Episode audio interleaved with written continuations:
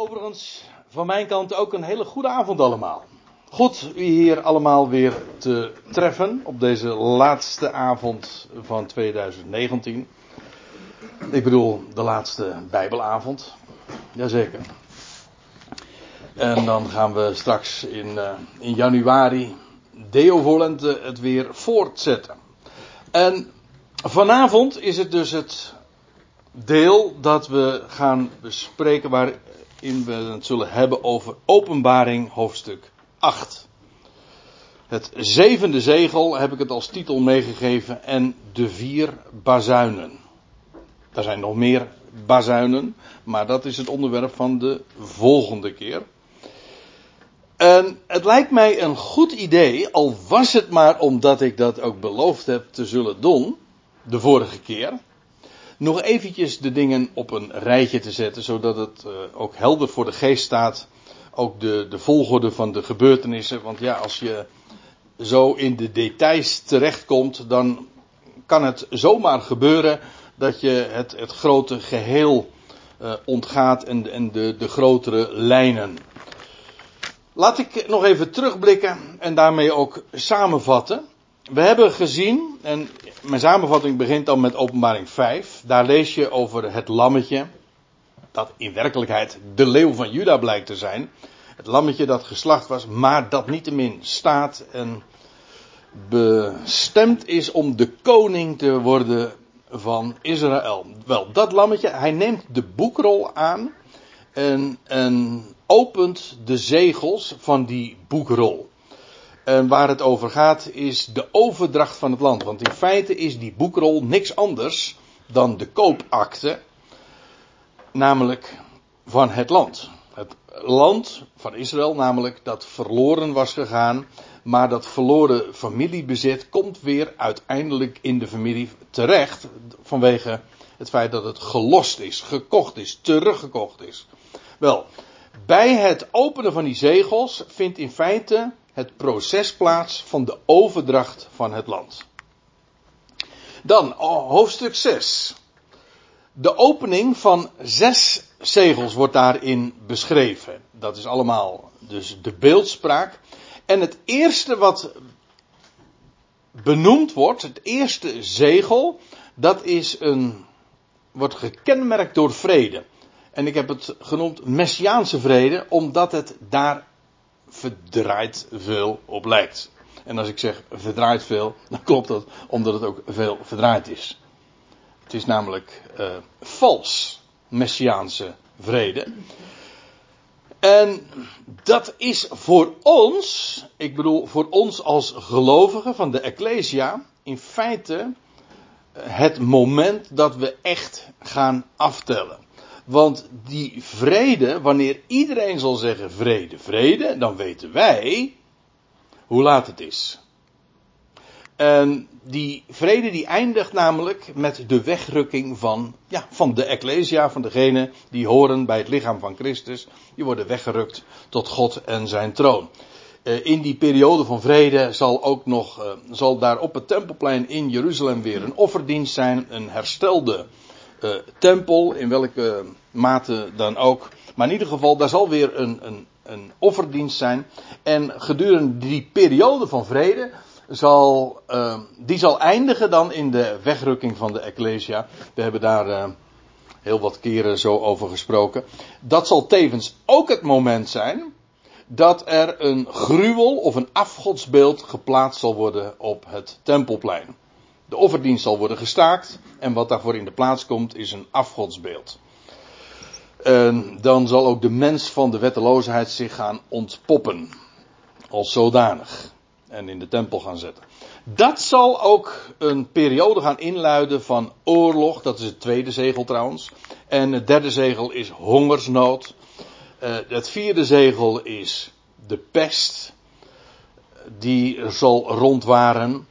Uh, het vijfde zegel, een afschuwelijke geloofsvervolging en verdrukking. Het gaat hier bij, daar moet ik er nog even vooral, uh, denk ik, bij benadrukken. Het gaat in openbaring 6 over de, de, de overdracht van het land. Dat wil zeggen, Israël wordt bevrijd. Gedurende die periode is de alle aandacht aan opgericht op Israël. Daar gaat het allemaal over. En uiteindelijk eindigt dat dan in dat teken aan zon, maan en sterren dat, uh, die verduisterd zullen worden. En dit moment, als dat teken zal uh, verschijnen, dat wil zeggen als, als de zon en de maan zullen verduisteren en de sterren van de hemel zullen vallen, dat is ook het moment dat Christus zal verschijnen op de Olijfberg en ter bevrijding van het volk van Israël. Dat is bij het zesde zegel. Nou, dan krijg je openbaring 7. En dat was het onderwerp van de vorige keer. En feitelijk is dat een, een onderbreking, een, een intermezzo, zoals dat uh, met een mooi woord heet. En wat er gebeurt is, het eerste wat je ziet is een, de verzegeling van 144.000. Dat wil zeggen 12.000 uit elke stam uh, worden verzameld. En die worden verzegeld, namelijk met het oog op uh, de, de gevaren die, waarin ze terecht zullen komen. Ze worden beveiligd. Verzegeld wil zeggen, zij gaan uh, een, een, missie uh, uitoefenen in, in de rest van de wereld. Ze gaan het evangelie van het koninkrijk prediken en daartoe worden ze verzegeld en ook absoluut beveiligd, zodat zij uh, niet getroffen zullen worden door alle gerichten die de volkerenwereld dan nog zal treffen. Vervolgens wordt daar ook in openbaring 7 een grote schare gezien. Eigenlijk is het chronologisch gezien, is het eigenlijk eerst heb je de grote schade. Dat wil zeggen, er vindt een verzameling plaats van heel het volk uit alle windstreken. Uit alle volkeren. En Israël wordt verzameld uiteindelijk eerst in de woestijn. En via de woestijn zullen ze dan in het land ingaan. En dan bij die gelegenheid zullen er ook 144.000 mannen uh, verzegeld worden voor hun taak. Uh, die grote schare die wordt verzameld en die zullen, ja, in Israël uiteraard hun plek vinden. Het beloofde land. Uiteindelijk waren al die zegels daar ook op gericht. Namelijk op het, de vrijkoping en de bevrijding en de overdracht van het land. Wel, dit is het moment, of dit is het hoofdstuk waarin dat ook beschreven wordt. Israël is verzameld als een grote schare uit alle volkeren. Ze bevinden zich rondom de troon. U moet je dat heel letterlijk uh, voorstellen. Dat wil zeggen rondom de troon. Die opgericht is in Jeruzalem. Dat is de stad van de grote koning. Er zal ook een tempel verschijnen. En vandaar ook dat die grote schare zich bevindt rondom de troon en de tempel in Jeruzalem. En uh, wat aan het einde van de openbaring 7 ook nog beschreven wordt. Uh, dat is dat Israël die grote schare als in een oase van rust en ook bescherming zal uh, geplaatst worden. Hen zal niets treffen. Want terwijl de zeven bazuinen, die over de, en dat zijn de gerichten die over de volkerenwereld zullen volgen, de, terwijl de zeven bazuinen nog geblazen moeten worden, is Israël inmiddels gearriveerd. Dat is de plek waar het koninkrijk hier op aarde begint. En daar zal, uh, en van daaruit zal het koninkrijk ook worden uitgebreid. Vanaf zijn troon gaat dan de zoon zijn heerschappij vestigen over de hele wereld. En Israël is inmiddels op de plek van bestemming terechtgekomen. Terwijl er dus nog een heleboel moet gebeuren, is dit de situatie. Nou, staat het zo een beetje voor de geest? Zo de, de volgorde van gebeurtenissen. Dan kunnen we nu de draad oppakken bij hoofdstuk 8, vers 1. Ik heb heel wat dia's nog. Het zijn maar 13 versen, maar uh, ook hier staan weer heel veel uh, wat, uh, wat onze aandacht verdient. Tot dusver, wat we gezien hebben, is dat er zes zegels geopend zijn. Aan het einde van hoofdstuk 6 lees je over de opening van het zesde zegel. Ik zei al, hoofdstuk 7 is feitelijk een intermezzo, een onderbreking. En nu pas in hoofdstuk 8 lees je, en wanneer hij, namelijk het lammetje, het zevende zegel opende, kwam er een stilte in de hemel ongeveer een half uur. En die stilte in de hemel, ja, dat is precies dat, die intermezzo, die in hoofdstuk 7 was beschreven.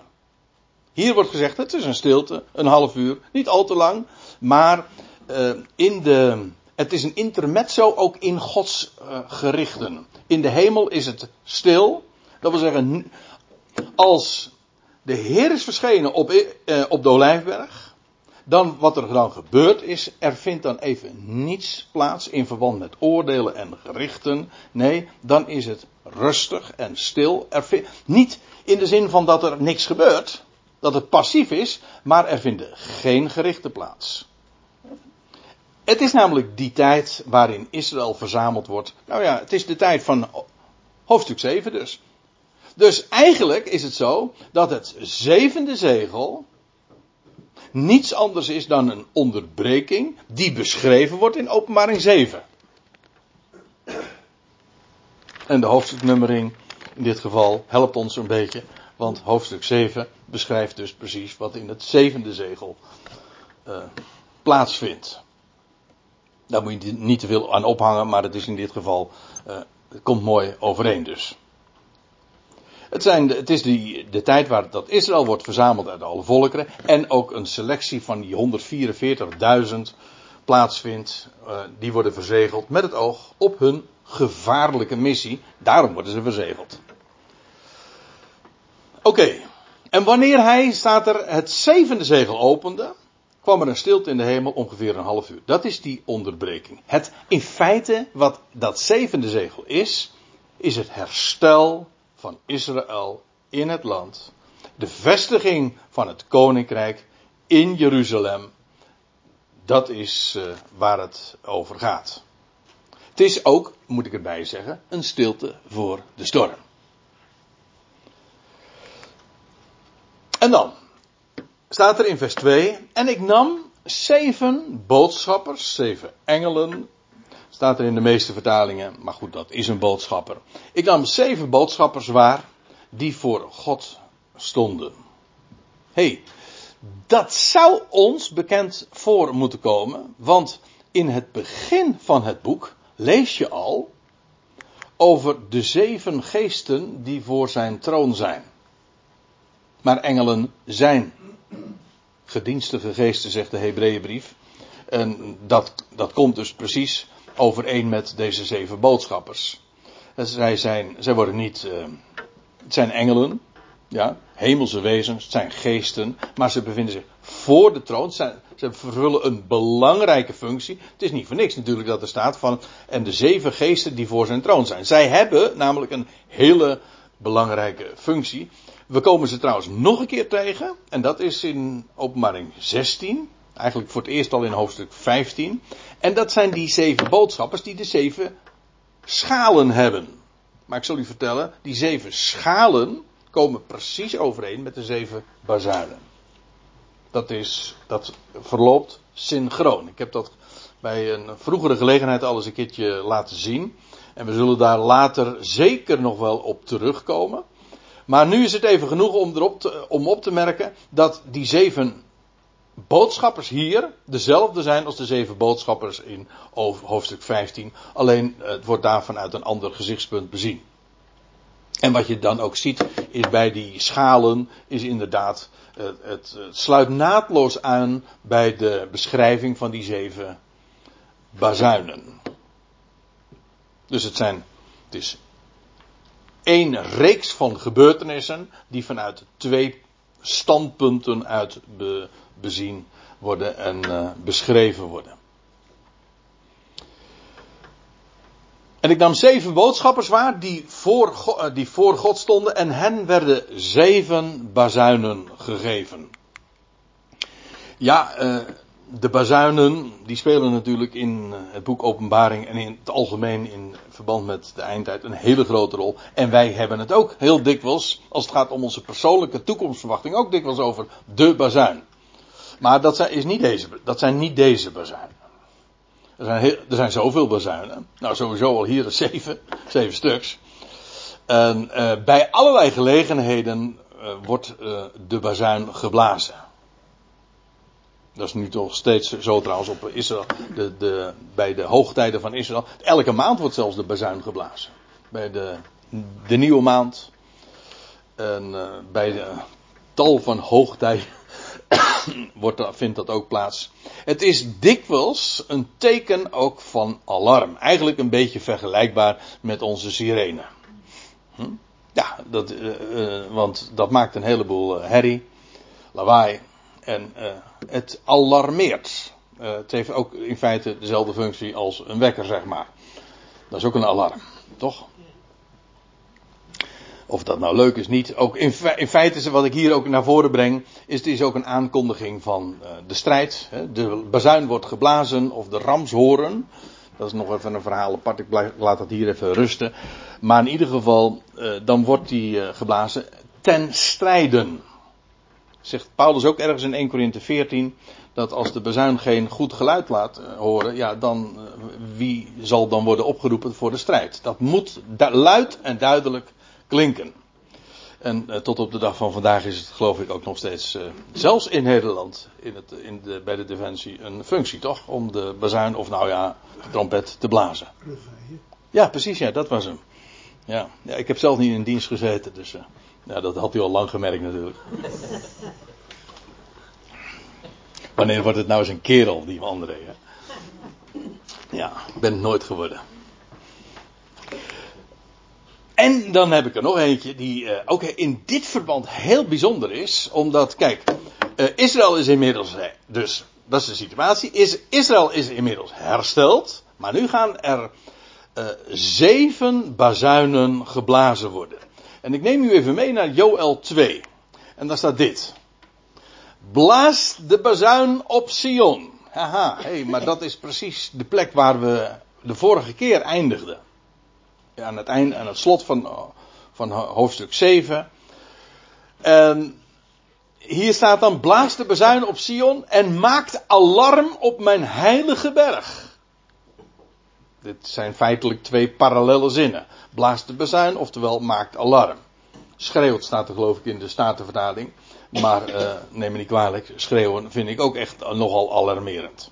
En maakt alarm op mijn, op mijn heilige afgezonderde berg waar ik vanuit regeer. En trouwens ook waar de heilige berg waar de, de tempel geplaatst wordt. Afijn, of het heilige gebergte. Dat alle inwoners van de aarde zidderen.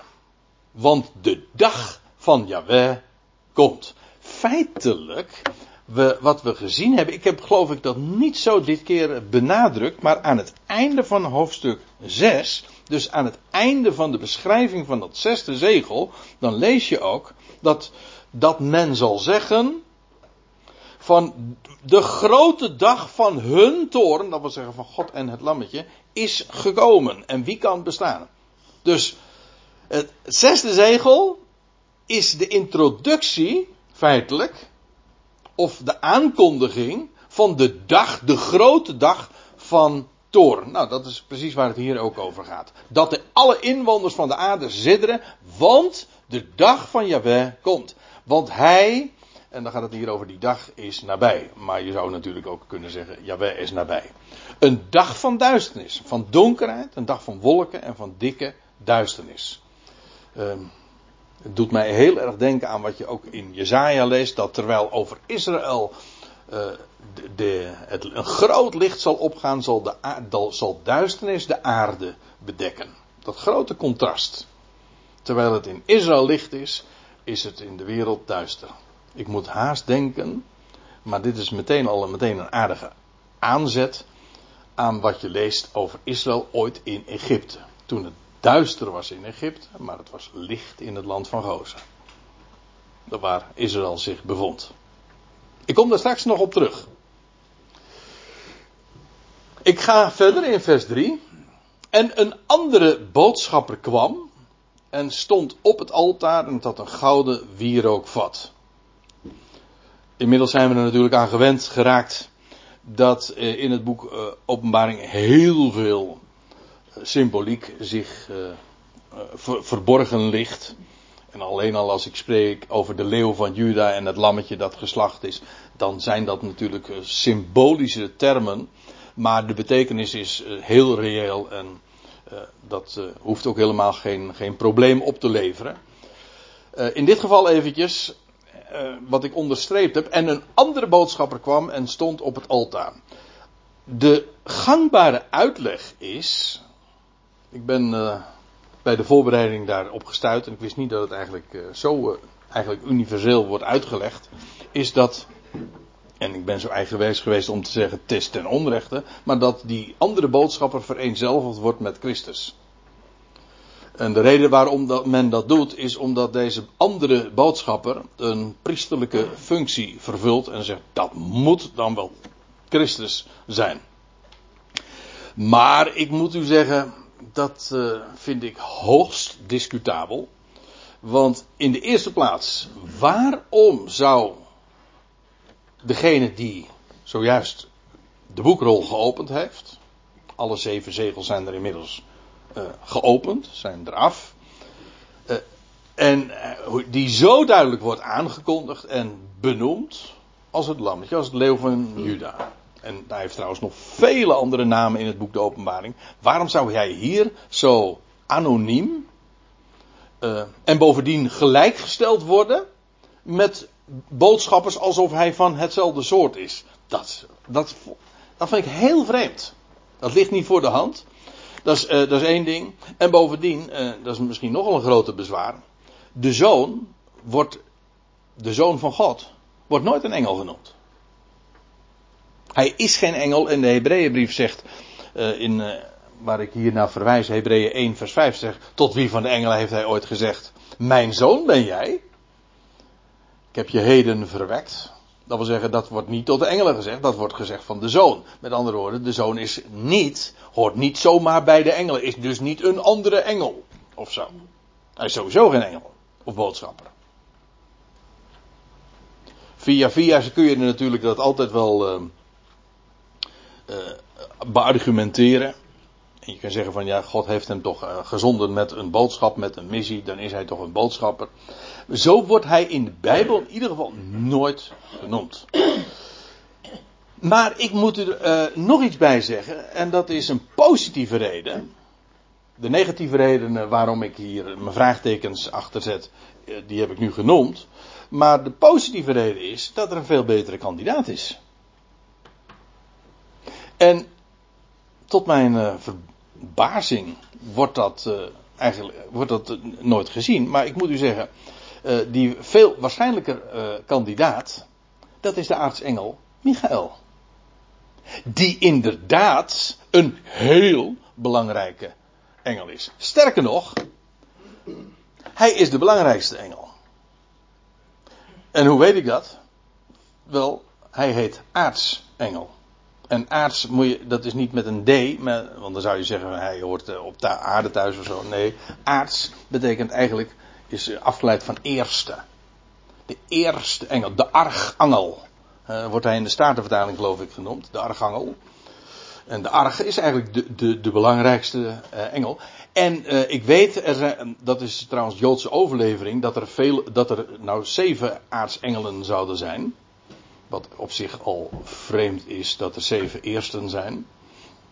Maar goed, los daarvan de Bijbel spreekt, uh, ik ken maar één aartsengel. De aartsengel namelijk. En dat is Michael. En, en dus dat deze boodschapper een hele prominente positie inneemt, ja, die ken ik. En dat is namelijk de eerste engel bij uitstek. Dat is trouwens ook de engel die genoemd wordt in 1 Thessalonica 4, die het zijn zal geven voor, tot de wegrukking. Op het, uh, het geluid, de bazuin of de, hoe staat het? Teken van de aartsengel. Nou ja, dat is, dat is een onderwerp apart, daar hebben we het al eens een keer over gehad, dus daar ga ik nu hier niet over hebben. Het gaat met u even over die andere boodschapper, wie dat is. En ik, ik denk dat ik een hele goede reden heb om aan te nemen dat het inderdaad uh, Michael is. Oké, oké, je kunt ook verdedigen van het feit dat zijn naam niet genoemd wordt. Betekent dat het dus kennelijk niet belangrijk is. Oké, dan heb je. Daar hebt u ook een punt. Maar het feit dat hij een hele belangrijke functie vervult. Is. Uh, je leest in de openbaring 12. Kom, komen we hem ook nog een keer tegen. Uh, u weet wel. Michael die een strijd voert tegen Satan en zijn gevolg en zijn engelen. En dan staat er in Daniel 12 lees je over de aartsengel Michael dat hij de grote vorst is die de zonen van uw volk Israël terzijde staat. Dat wil zeggen, uh, Michael is gekoppeld aan Israël. Hij wordt genoemd de grote vorst. Vandaar ook de eerste, een aartsengel. En bovendien, en wat doet hij? Hij assisteert hij in de, de ongeziene sferen, zeg maar, die zich aan ons oog onttrekken. Maar in die wereld, in de geestelijke wereld, vertegenwoordigt hij de zonen van uw volk. En dat is precies wat hier gebeurt. Want laten we nou even verder lezen. En een andere boodschapper kwam en hij stond op het altaar en het had een, en het had een gouden wierookvat. En aan hem, die andere engel dus, die andere boodschapper, werden vele reukwerken gegeven om met de gebeden van alle heiligen op het al gouden altaar te geven. Om het, nee, sorry, ik moet het anders lezen. Aan hem werden vele reukwerken gegeven, zo staat het er letterlijk, om het met, met de gebeden van alle heiligen op het gouden altaar te geven. De gebeden van alle heiligen. Wie zijn dat? Als je nu gewoon even. Ja, ik heb nu het antwoord al gegeven. Uh, als je. Gewoon nu even kijkt naar de situatie zoals die zich. Uh, zoals we hem tot dusver hebben gevonden. Israël is inmiddels op de plaats van bestemming gekomen. Die grote schare uit alle volkeren. Ze is gekomen en ze bevinden zich rondom de tempel en de troon. Oké. En daar is rust daar, is, daar bevindt zich het heilige volk. En zij bidden. Zij hebben gebeden. Uh, ik bedoel, ja. Een van de gebeden. Die juist dan ook actueel zal zijn. Het, ja, ik weet. Dat de, de, in, de, het idee van de kerk heeft men dat altijd gewoon toegepast op, op ons terwijl het onderwijs was van de Heer Jezus aan Israël. Maar het Onze Vader, dat is een gebed dat juist alles te maken heeft met Israël. En wat zal men bidden? Als het, ook, dat zal ook al zijn trouwens in die dagen van de grote verdrukking. Als Israël nog, uh, als de Heer nog niet zal verschenen zijn, maar dan zal, uh, dan zal er hongersnood zijn en dan zal men ook bidden, geef ons heden ons dagelijks brood. En, maar ook uw koninkrijk komen. En uw wil geschieden zoals in de hemel. Inmiddels gebeurt Gods wil, in die tijd hè, gebeurt Gods wil in de hemel. want de hemel is inmiddels gereinigd. Daar heeft trouwens ook Michael voor gezorgd. die heeft Satan met al zijn gevolg heeft hij van, eh, uit de hemel ge. Ja, Nee, ja, gedonderd wou jij zeggen, maar dat, uh, dat klopt wel. En hij, dan zal Gods wil geschieden in de hemel. En, en vervolgens, uh, het koninkrijk heeft ook een basis gekregen in, op het land, dat wil zeggen op de aarde, in Israël. En dan zal het gebed ook zijn: uw koninkrijk komen en uw wil geschieden zoals in de hemel, zo ook op de aarde. Dat zijn hele concrete en betekenisvolle gebeden, juist in die dagen, want dan zal dat zijn beslag gaan krijgen. Dat Gods wil gaat geschieden zoals in de hemel, ook net zo op de aarde. Dat zijn maar niet zomaar van die, van die vrome frasen van je moet toch wat zeggen en Nee, dan wordt het, dan wordt het hol. Dit zijn vaak, ik denk trouwens dat voor velen het Onze Vader een hol gebed is. En omdat het zijn concrete toepassing in verband met Israël en het daadwerkelijk aanbreken van het koninkrijk, omdat men die link niet ziet, eh, hangt dit allemaal in de lucht. En wordt het heel abstract en feitelijk is er daarmee ook de betekenis uitgehold. Ik wil er trouwens nog iets bij zeggen. Uh, je, dat, je, dat was het vijfde zegel. Dat je leest dat er zo'n vervolging zal zijn. En dat je leest over de zielen onder het altaar. En dat zij roepen om wraak. En wij denken bij wraak. Dat woord heeft een, een negatieve klank. En we denk, brengen het vooral in verband met haat. En uh, boontje komt om zijn loontje en zo. Nee, wraak. In, in het Hebreeuws is, is de echte betekenis van het woord rechtsherstel. Dat verhoudingen die scheef gegroeid zijn of uh, die uit balans zijn, die worden weer hersteld. Het recht wordt hersteld. Dat is wat wraak echt ook is. Dat is trouwens ook de juridische betekenis van wraak.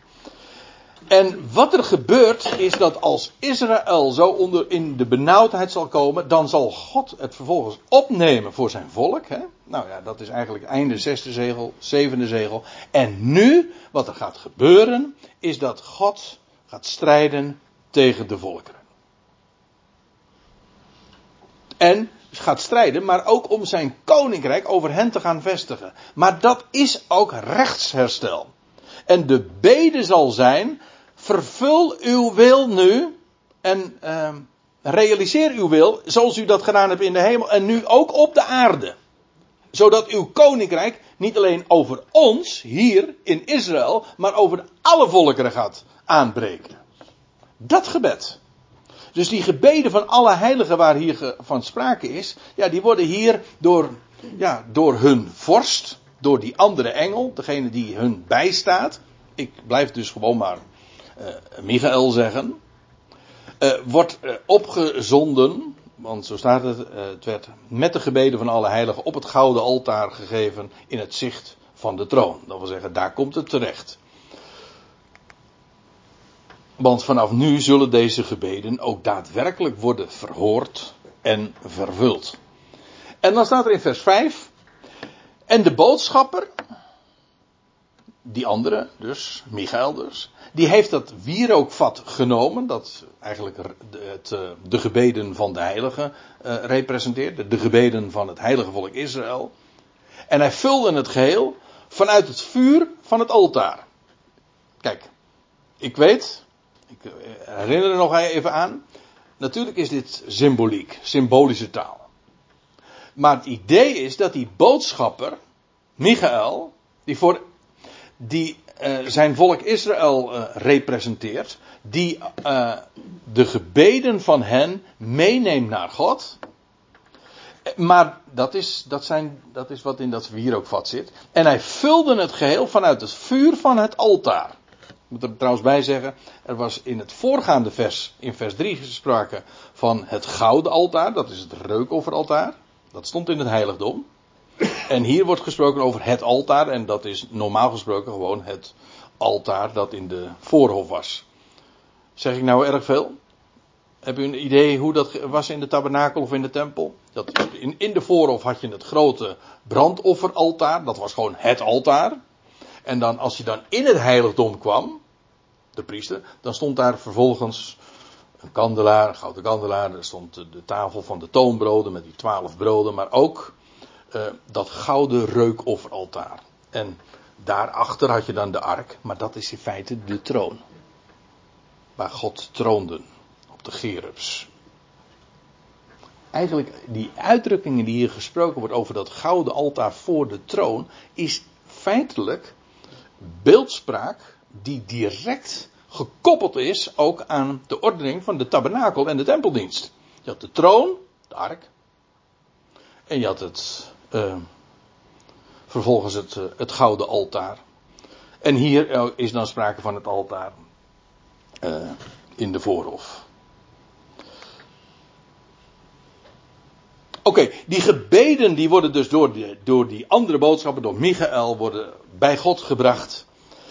maar hij doet daar iets mee, want hij staat er, hij vulde het geheel met vanuit het vuur van het altaar. Dat is dus dat vuur van het altaar is heilig vuur, hè? Vergis je niet. Dat was niet door een mens aangestoken. Dat gebeurde wel eens, maar dan heet dat vreemdvuur. Maar uh, God had het vuur van het altaar zelf aangestoken. Dus uh, een, uh, heel apart verhaal, maar bij gelegenheid lees je inderdaad dat, als, dat God het vuur, dat offer zelf aansteekt.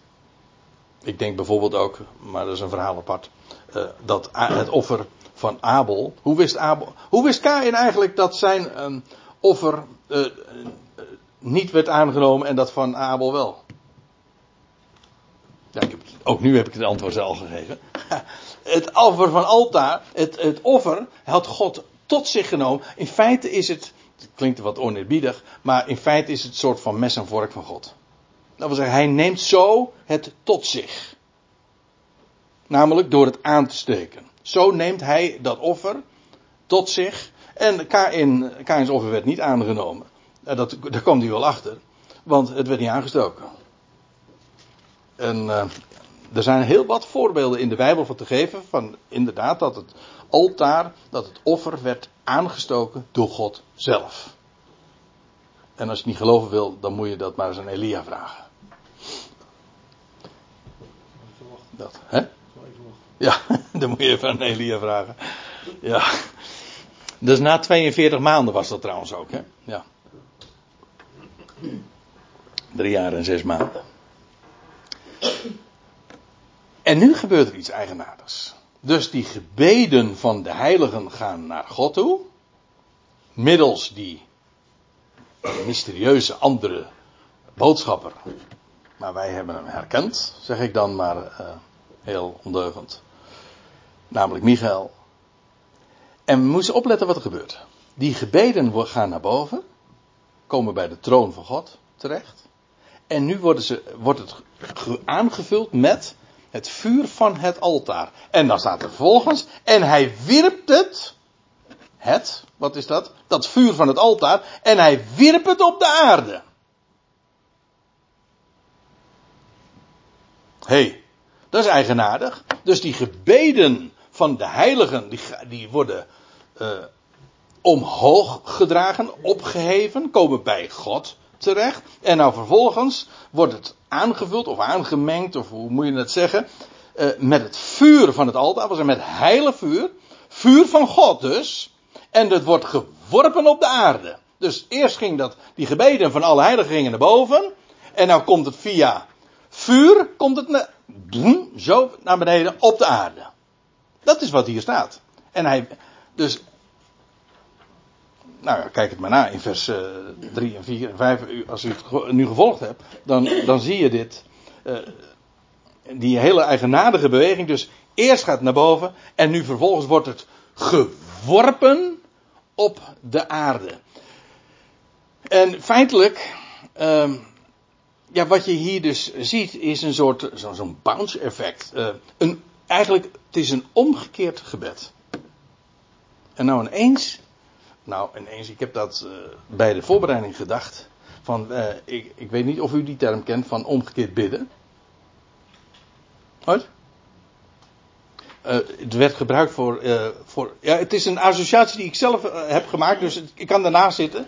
Maar vroeger werd wel eens gezegd, tenminste, iemand die vloekte, dan werd gezegd, hij, hij bidt omgekeerd. Ben ik nou de enige die dat. Uh... Verklaar? Nee, iemand die vloekte, die, dat, oh, die, die, die bidt omgekeerd. Ik vind het eigenlijk helemaal niet uh, een zo'n gekke gedachte. En, maar daar moest ik aan denken, bij, in dit geval ook. Want er gaat een gebed naar boven om Gods wil, dat Gods wil gaat geschieden. En dat het koninkrijk gevestigd gaat worden over de aarde. En wat gebeurt er? Er wordt vuur geworpen op de aarde. En dan zeg je, wat is het verband? Nou, dat is heel, dat is heel eenvoudig. Dat zijn die gebeden van de heiligen. Namelijk om het koninkrijk te vestigen. En met oog daarop wordt er vuur geworpen op de aarde. En wat er dan gebeurt is dit. En er kwamen, nou let op, donderslagen en stemmen Heel veel herrie in ieder geval. Lawaai. Uh, stemmen, geluiden. fonai. Ons woord foon. Dat heeft te maken met geluiden, stemmen. En bliksemflitsen. En een aardbeving. Over, uh, ik zei al, de inhoud kan schokkend zijn. Zie daar. Hè? Nou, dit is nog maar de inleiding trouwens.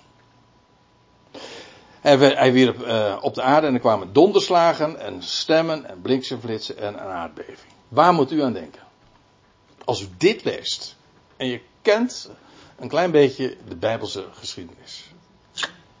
Als u deze termen zo leest in één adem. Wel een aardbeving, maar geen bliksemflitsen, geen sterren, ook geen donderslag. Bij de berg? Ja, bij de berg. Ja, het herinnert aan het neerdalen van Yahweh voor de ogen van Israël. Namelijk bij de Sinaï.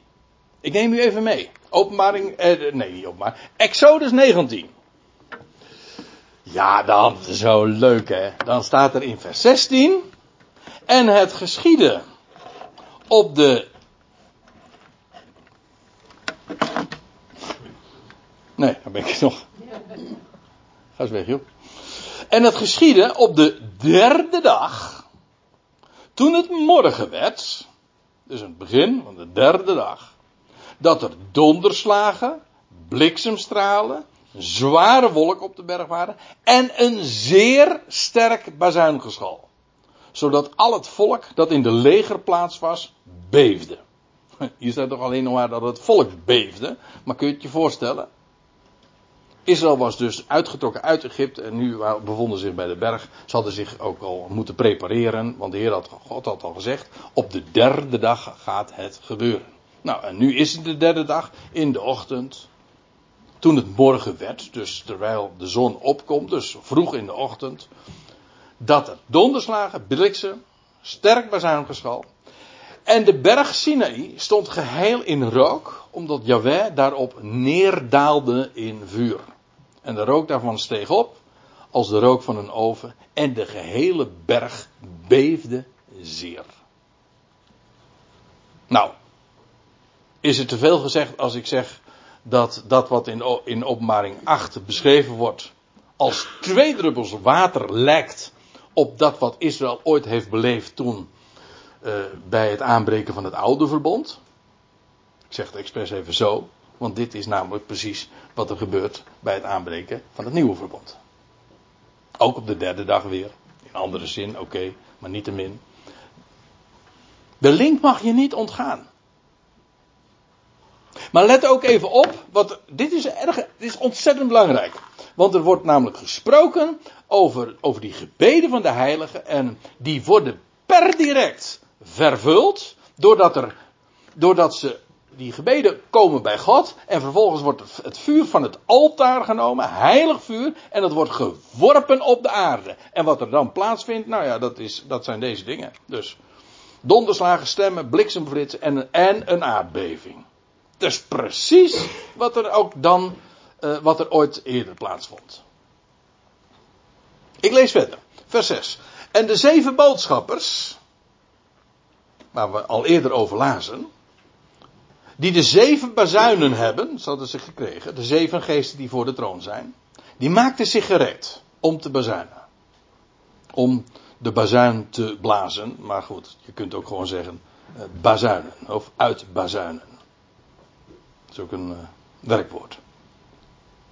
En ze, gaan, ze maken zich dus gereed. De zegels zijn geopend. Het land is inderdaad vrijgekocht. Israël op is op zijn bestemming gekomen, maar de zeven bazuinen, die gaan nog geblazen worden. Dat gaat nu gebeuren. En de zeven boodschappers, die hebben zich gereed gemaakt. Trouwens, ze gaan dat ook niet, achter, ze gaan dat ook niet uh, gelijktijdig doen, ze gaan het achter elkaar doen. Eerst de een, dan de ander. Gewoon in volgorde. Achter elkaar.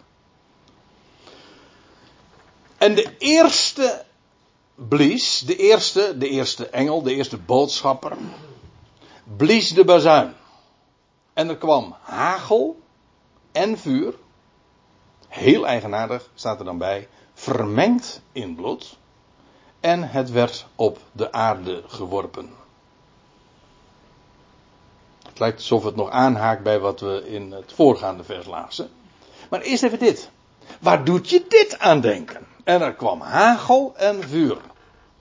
Vanuit de hemel.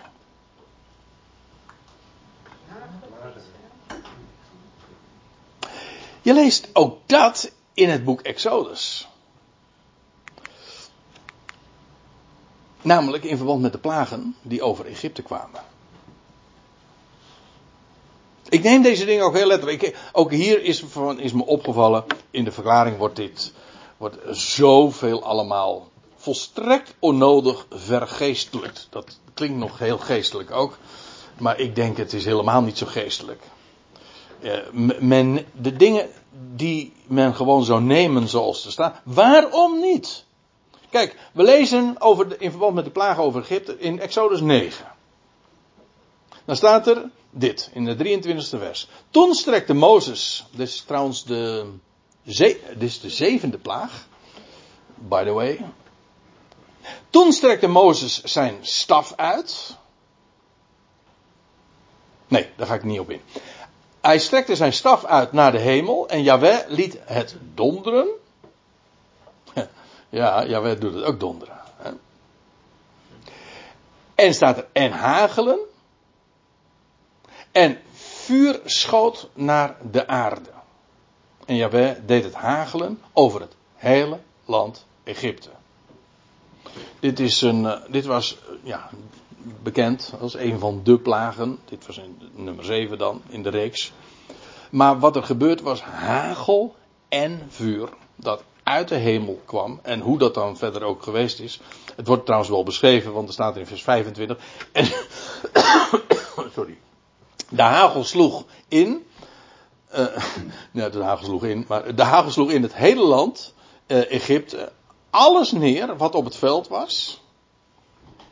Van, van mens tot dier. Dit was ook niet zomaar hagel van. Uh, ijshagel, zeg maar. Dit was. Uh, ja, dat kwam uit de ruimte. Dit was, uh, dit was steen. Um, dat lees je trouwens ook in verband met. Uh, met die eerste bazuin. Uh, even, misschien dat ik er zo, zo, nog wat over zeg, maar ik lees eventjes wat hier staat. De hagel sloeg in het hele land Egypte alles neer wat op het veld was. Zware hagel dus. Van mens tot dier. Ook al het veldgewas sloeg de hagel neer. En alle bomen op het veld deed hij afknappen. Nou, dat mag een plaag en een ramp heten. En dan staat er, alleen in het land Gozen, waar de Israëlieten woonden, hagelde het niet.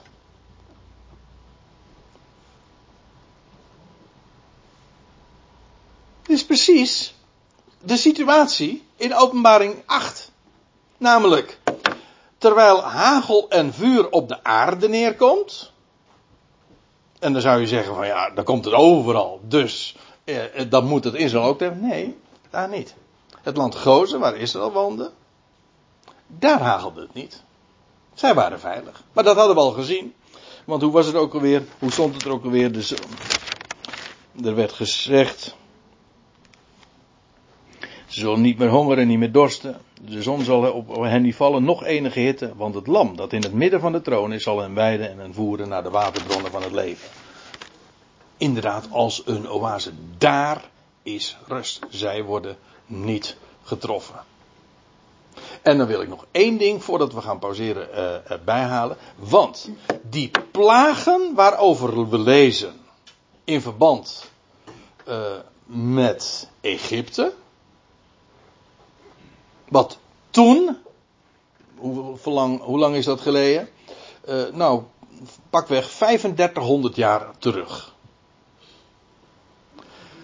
Toen die plagen over Egypte kwamen en Israël bevrijd werd, die plagen, die gaan in de toekomst herhaald worden. Maar dat was ook al voorzegd.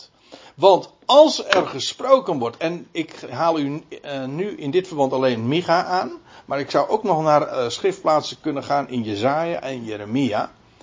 Maar Micha staat misschien nog het allerduidelijkst. Dat we in verband met het herstel van Israël een herhaling krijgen van de plagen die ooit over Egypte gingen. wij zeggen dat is historie. Dat is ook zo. Dat is historie. Het is echt gebeurd. Het is geschied. Maar die dingen gaan opnieuw op veel grotere schaal plaatsvinden. Terwijl Israël veilig is, zal het over Egypte als type van de wereld gaan komen. Je leest dit in Micha 7. Het is, het trouwens het slot van het boek. Dat er staat, evenals in de dagen toen jij uittrok uit het land Egypte, hier wordt Israël als persoon voor, aangesproken, evenals in de dagen toen je uittrok uit het land Egypte, zal ik hem wonderen doen zien. Uh, en wie die hem zijn, dat uh, in ieder geval ook de volkeren, kijk, lees maar na, zal ik hem wonderen doen zien. De volkeren zullen het zien en beschaamd worden, beroofd van al hun kracht. Ze zullen de hand op de mond leggen, hun oren zullen doof worden. Waar het me nu om gaat is dit. Dat net als ooit, toen Israël uittrok uit Egypte, en er wonderen plaatsvonden in dat land, zal dat opnieuw in de toekomst gaan plaatsvinden. En de volkeren zullen het zien. En ook daardoor beschaamd worden. Zoals Egypte ooit beschaamd werd. Dus we krijgen een herhaling van wat er ooit plaatsvond. Dat is heel belangrijk. Want het wordt niet voor niks diverse keren zo ook benadrukt. Er wordt zelfs ook gezegd in Jeremia. Uh, straks, als Israël eenmaal hersteld is, dan zal er niet meer gezegd worden zoals God, uh, dan zal er niet meer gezegd worden God, uh, zoals God het volk ooit heeft doen trekken uit Egypte. Daar zullen ze het niet meer over hebben. Dan zal, dan zal er gesproken worden over het herstel vanuit, ja, dat dan zal hebben plaatsgevonden, waar in feite de verlossing uit Egypte slechts nog een zwak, zwakke voorafschaduwing was. Maar in ieder geval een herhaling op een veel een grotere schaal zullen we straks in de toekomst zien. Goed. Nou, we gaan, uh, we gaan straks uh, verder met, met deze bespreking. Ik stel voor dat we eerst eventjes met elkaar een kopje koffie gaan drinken we hebben het nog steeds over de eerste bezuin. Terwijl we er vier moeten bespreken. Dus we hebben nog eh, even te gaan. En de eerste blies de bezuin. En dan kwam hagel en vuur vermengd in bloed. Dus op een of andere manier is het ook nog. Uh, geeft ook aan dat het een soort van uh, chemische mix is. Waardoor het uh, bloed kleurig is. En het werd op aarde geworpen. En nou lees ik meteen verder. En het derde deel van de aarde werd verbrand. Nou, dat juist die mix. die als, ja, doet je het inderdaad denken dat het inderdaad om stenen uit de ruimte gaat. Waardoor uh, inderdaad het derde deel van de aarde werd verbrand. Dat, die term, het derde deel, komen we in dit hoofdstuk maar liefst veertien keer tegen. Derde deel. In verband dus met die vier bezuinen. feitelijk is het zo dat die, die, deze, deze eerste vier bezuinen nog een waarschuwing zijn. Ik kom daar straks uh, aan het eind nog eventjes op terug. Want je kunt natuurlijk zeggen, een derde deel werd uh, verbrand. Ja, dat is heel veel.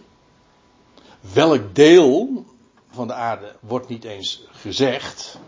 Maar in ieder geval een deel. Maar je zou positief gezegd is twee derde dus niet.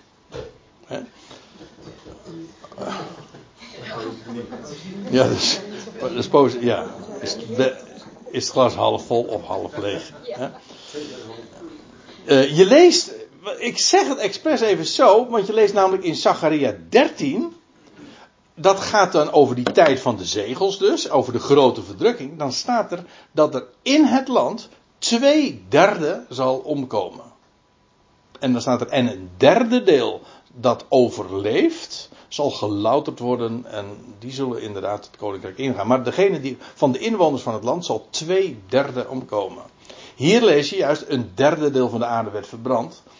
En ik, iedere keer weer dat een derde deel. Misschien dat ik daar, uh, uh, als we bij de bespreking van hoofdstuk 9 komen, uh, dat ik er nog iets over zeg. Daar komen we trouwens ook weer tegen. Eh, die uitdrukking, een derde deel. Maar, uh, nou ja, dit heeft dus alles te maken met de, met die, die waarschuwing, zeg maar, van.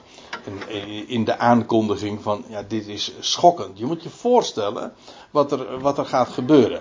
Als Israël uh, over niet al te lange tijd hersteld gaat worden. en wat er dan over de volkerenwereld gaat, uh, gaat plaatsvinden. En hoe God vuur, letterlijk, maar figuurlijk ook op de aarde gaat werpen om de aarde en, en dat de aarde geconfronteerd gaat worden met wie God is en hoe het koninkrijk gevestigd gaat worden. Dit is echt koninkrijkstaal, hè?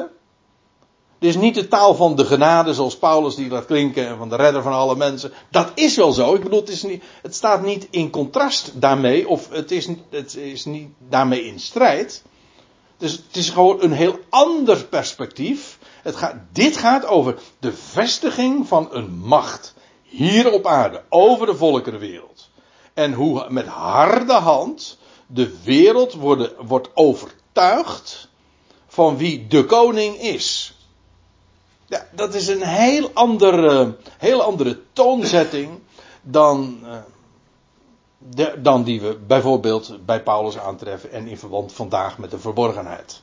Gaat het ook niet mixen. Dat zijn twee verschillende uh, waarheden, verschillende perspectieven, verschillende lijnen die elkaar niet bijten, maar ze zijn wel totaal verschillend, dat is duidelijk. Uh, het derde deel van de aarde werd verbrand, dan staat er, ik, ik, ik, ik ga door. En het derde deel van de bomen werd verbrand en al het groene gras werd verbrand. Ook hier, ik, ik ben er al, al verschillende keren op gestuurd en ik heb het zojuist ook even gezegd van hoe zulke dingen worden vergeestelijkt, een foute term.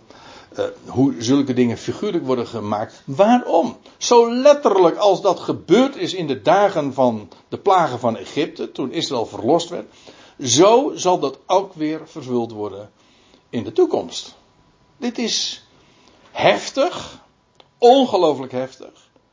Maar waarom zou je dit wegredeneren? Trouwens, uh, wat ook iedere keer weer blijkt, is dat het uh, het einde zoek is. Op het moment dat je daar iets anders van gaat maken. Ik heb last bijvoorbeeld over de verklaring van ja, die bomen dat zijn, dat zijn dan de grote mensen. En dat groene gras dat, zijn, dat is het kleine volk. Ja, ja zo, zo lus ik er nog wel een paar zeg.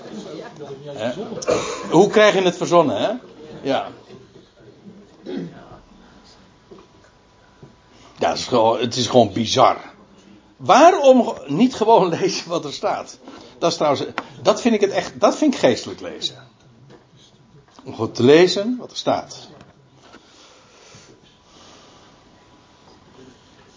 Ik moet er trouwens ook nog bij zeggen.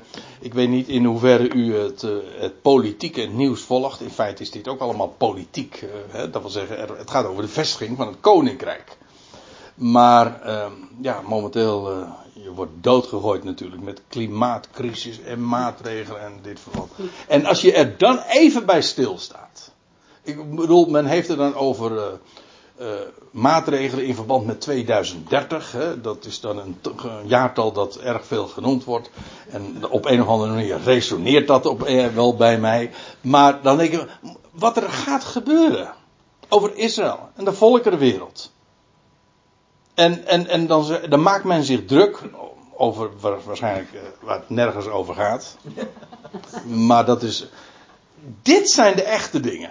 En als je dan ook bijvoorbeeld ziet hoe, uh, hoe in de kerkelijke pers en de christelijke wereld zich ook gewoon helemaal meejankt met de wolven in het bos. En zeg van, oh, de klimaatcrisis, we moeten, we moeten wat doen om de aarde te redden. Oh, en dan denk je van, mens, mens. 100, hè? Ze weten. Hè? 100 mag je in huis gaan. Ja, precies, ja. Ja, dat soort dingen.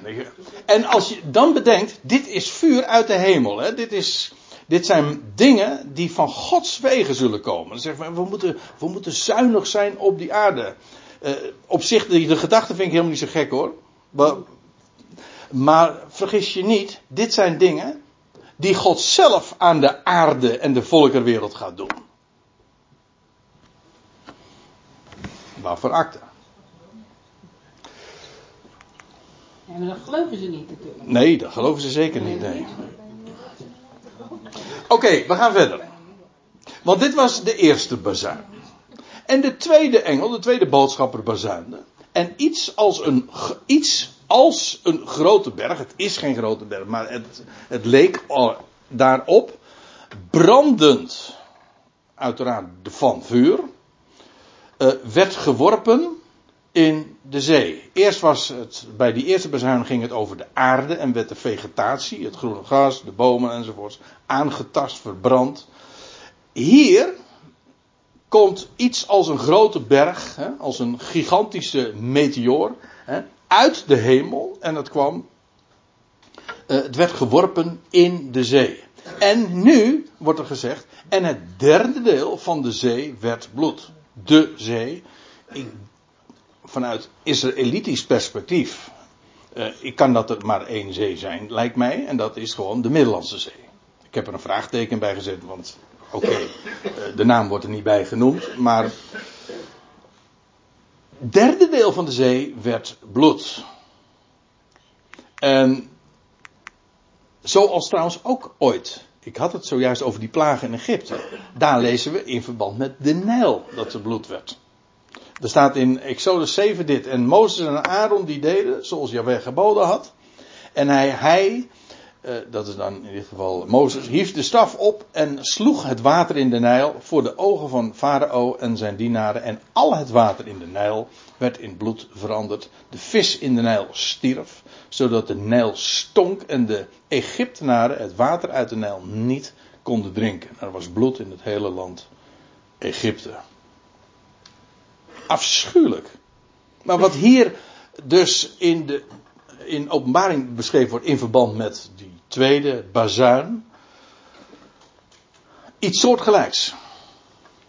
Het derde deel van de zee. En dan staat er nog uh, in datzelfde verband bij, in vers 9. En het derde deel van de schepselen in de zee, die ziel hebben. Hé, hey, we zijn toch een ziel? Jawel, maar u weet, de ziel van alle vlees is in het bloed. Dus uh, schepselen die ziel hebben, die hebben dus bloed.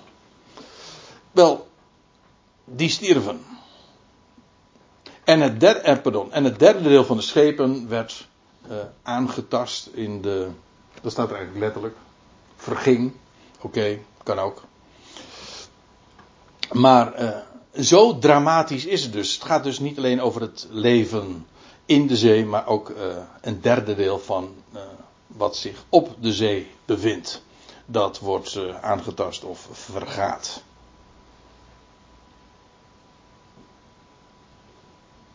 Ja.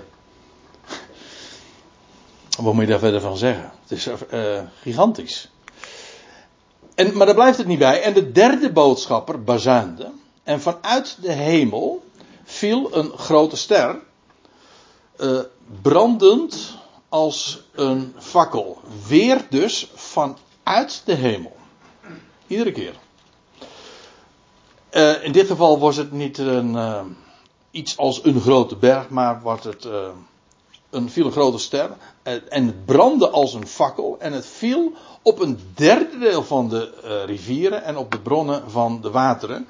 En uh, ja, ik heb daarover gelezen.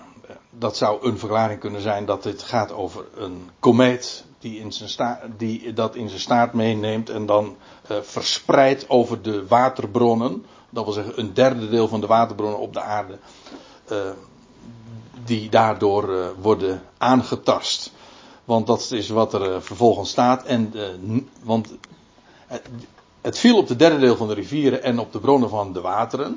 Als dat één bonk is geweest, ja, dan, dan kun je niet verklaren waarom dat dan zich verspreidt over een derde deel van de wateren van de bronnen. Hè? Je kan het wel verklaren op het moment dat het eh, als gruis of uh, verspreidt. En bijvoorbeeld als de staart van een komeet en dat het dan terechtkomt uh, zo op een derde deel van de rivieren, op de bronnen en de wateren.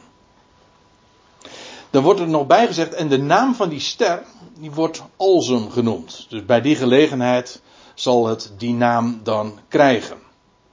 En Johannes noteert dat, zeg maar, alvast. Uh, Alzum, in het Grieks is dat absint. En uh, dus vond ik wel interessant. Uh, in het Duits is het wermut. We kennen hem veel beter als deze. Het Frans, vermut. Dat is hetzelfde. Dat is namelijk, uh, dat is het absint of. Verm, ver, dus je spreekt toch uit vermoed, hè? Ja. Ja. Ja, ik heb hem er even bij genomen. Uh, ik ken dit spul allemaal niet zo goed. Uh, ik weet niet wie van u wel. Wie steek uw vinger eens op? Maar smaakt het niet. Hij is droog. hè? Hij is droog. Ja, extra dry. Ja. Oh, er zit er niks in, ja. Nee, ja. Uh, dat is de naam. Maar uh, ja, je lacht erom. Er staat, en het derde deel van het water, van de rivieren en van de bronnen van de wateren, werd tot alsem. U moet zeggen, je, dan is het maar niet een, een, een, smaakje dat gegeven wordt aan, aan wijn, bijvoorbeeld, of een drank. Nee, dan is het, uh, alsem, dat is namelijk giftig spul, heel giftig. En het heeft een bedwelmende en vooral een verlammende werking. En dat blijkt ook wel, want wat er gebeurd is, en vele van de mensen stierven van het water dat bitter, namelijk dodelijk bitter was geworden. Dus bij de eerste bazuin, wat je leest, is dat de, dat de vegetatie wordt aange, aangetast. Bij de tweede bazuin de zee, een derde deel van de zee getroffen wordt. En nu bij die derde bazuin dat een derde deel van de waterbronnen en de rivieren worden getroffen en aangetast. Zodanig zelfs dat vele van de mensen stierven van het water dat bitter was geworden. En dan staat er, en de vierde boodschapper, die bazuinde. En het derde deel van de zon werd getroffen en het derde deel van de maan en het derde deel van de sterren. Hoe moet je je dat voorstellen? Nou, dan staat er vervolgens, opdat het derde deel daarvan verduisterd zou worden. Dus het is iets wat in de atmosfeer plaatsvindt. Er vindt een atmosferische verduistering plaats voor een derde deel. Dus er, het licht is, nog, uh, is er nog maar voor twee derde van wat uh, normaal is. Dat geldt zowel voor de dag uh, als voor de nacht. Dan staat er en de, en de opdat het derde deel daarvan verduisterd zou worden. En de dag voor het derde deel niet verscheen. En de nacht evenzo. Zodat de sterren dus ook hun licht slechts voor twee derde gaven. En een derde deel niet. Uh, dus een verduistering van de atmosfeer. Alles uh, dus vanuit de hemel. Het is wel heel opvallend. Dat geldt trouwens ook voor, voor al die vier bazuinen, voor die eerste vier. Want feitelijk is het zo, dat zie je trouwens altijd bij zeventallen in het boek Openbaring, dat is verdeeld in vier en drie. Dat zag je trouwens ook al bij die zegels. Trouwens bij de zeven brieven ook. Maar ook bij de zeven zegels, dan heb je de eerste vier, eerste vier zegels, die hebben, houden verband met de levende wezens, weet je nog, van die vier uh, oudste. En die drie staan daar los van. Hier is het ook, uh, die vier bazuinen, krijg je. En dan vervolgens. Uh, ja, volgen er nog drie bazuinen. En. Dan staat er in vers 13, dit is trouwens inmiddels al het laatste vers van Openbaring 8. En ik nam waar. En ik hoorde een. Kijk, dit is nou typisch een voorbeeld van waarbij het zich heel vanzelfsprekend aandient dat dit symbolische taal is. Dan staat er, en ik nam waar en ik hoorde een vliegende adelaar in het midden van de hemel met luide stem zeggen. Nou, dat is niet wat, je, uh, wat, wat zich letterlijk voordoet. Maar die, dat neemt niet weg dat de. Wel dan? Oh, nee. Ik denk, uh, man en broeders die hebben daar een andere idee over. Hè? Oh, bij Disney, ja, precies. Ja, daar kan het weer wel. Uh, die vliegende adelaar. De adelaar, gieren, maar eigenlijk het is een veel breder begrip. Arenden. Uh, een adelaar die vanuit de hoogte. Het is een paar, heeft een paar kenmerken. Dat een adelaar die is gericht op zijn prooi en met enorme snelheid dan ook zijn prooi pakt. Ik weet niet of u daar wel eens beelden van gezien hebt, maar dat is heel indrukwekkend. Maar wat ook heel opvallend is, dat ze natuurlijk met op grote hoogte, met gigantische precisie, hun prooi al zien. Je kent het verhaal van de biddende torenvalk. Eh, zo heet het toch? Eh, ja, een biddende torenvalk. Dus, eh, dat lijkt heel, dat ze heel geestelijk bezig zijn, maar ze kijken gewoon naar de aarde. Maar dat is niet zo. Dan, zijn ze, dan zitten ze stil. Maar dat is omdat ze helemaal gericht zijn op hun prooi. En dan zien ze op een. Ik, ik heb daar. Uh, daar zijn echt. Uh, men heeft dat onderzocht. Maar hoe zij dus op enorme hoogte al. Uh, iets heel minuscuul klein. Prooi, een muis bijvoorbeeld, kunnen zien. En met uh, precisie dat waarnemen. Nou, hier gaat het inderdaad ook over uh, een, een, vliegende aanlaag in het midden van de hemel. Maar die gaat iets zeggen. Want het verhaal is namelijk: er gaat iets en met snelheid gebeuren. En er is een prooi. Let op. En wat hij zegt is: WWW. En nou denk je, als het niet zo vrolijk, als het niet zo ernstig was geweest, zou je zeggen van, nou, vertel de rest van het internetadres. Hè? www.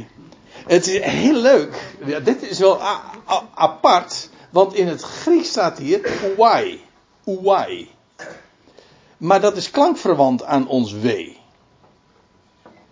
Uh, als je als je, als je uit Suriname komt en je zegt de way, way, dan, dan wordt het ook een oe. Trouwens, eh, wat zeg ik? Ik kom uit Griek, ik kom uit Frank, ik kom uit Kattek. Katwijk, nou ik kom niet uit de Katwijk, ik ben ook maar import, maar in ieder geval in Katwijk zeggen, zeggen ze ook de way. Dus, eh, de, gewoon als een oe. In het Hebreeuws heb je dat trouwens ook, de letter waf is eigenlijk ook een oe. Nou ja, in ieder geval way. Het is, uh, er wordt hier gezegd WW. Nee. Gewoon, nou zeg ik het zelf even verkeerd. Het internet. Trouwens, uh, over, uh, over internet gesproken. Het wordt, uh, ik heb, het is de eerste keer eigenlijk dat ik me realiseer dat je het ook hier de connectie nog met www kunt leggen. Maar bekender is die van 666 natuurlijk. Hè? Omdat dat Streepjescode. Hè? De streepjescode. Ja, de streepjescode. En ik, ik zeg het trouwens voor wat het waard is hoor, want er, volgens mij is er wel op af te dingen. Het is wel zo trouwens dat het, de Hebreeuwse letter waf, waar ik het zojuist over had, doe, uh, inderdaad de zesde letter is. En het getal 6 ook vertegenwoordigt, zodat WWW inderdaad 666 is. Ik zeg niet dat het uitleg is, maar ik vind het wel een frappante connectie. Dus daar wou ik het maar bij laten. In dit geval is dit trouwens nog iets uh, wat ik erbij moet zeggen. Uh, het is een ander woord dan het woord voor een barenswee. In het Nederlands is dat het, hetzelfde. Uh, OW. En dan denk je meteen aan, ja, aan de aan de verlossing, aan de, aan de geboorte. Maar dat is een ander woord. Dat is in, het, in het Grieks het woordje Odin. In het Nederlands is het hetzelfde woord, maar in het Grieks is dat niet zo. En in feite is het een, hier een uitroep van uh, dreiging, maar dat is het bij ons ook. Wee, wee, oh wee. Wee degene. Weet je wel, dat is een, in feite iets heel dreigends. En dan hier wee, wee, wee dat is uh, drievoudig. Ja, dat komt overeen met de drie bazuinen die nog gaan klinken. Want we hebben 1, 2, 3 en 4 gehad. En we krijgen nog 5, 6 en 7. En dan gaat. oh wee. Hm.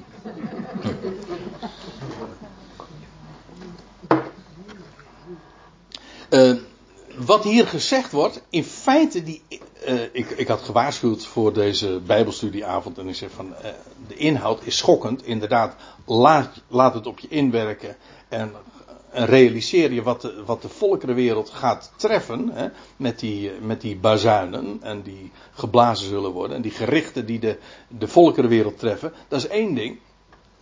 Maar ik moet erbij zeggen dat de volgende keer, eh, wanneer we openbaring 9 zullen bespreken, dat is in feite eh, nog heftiger.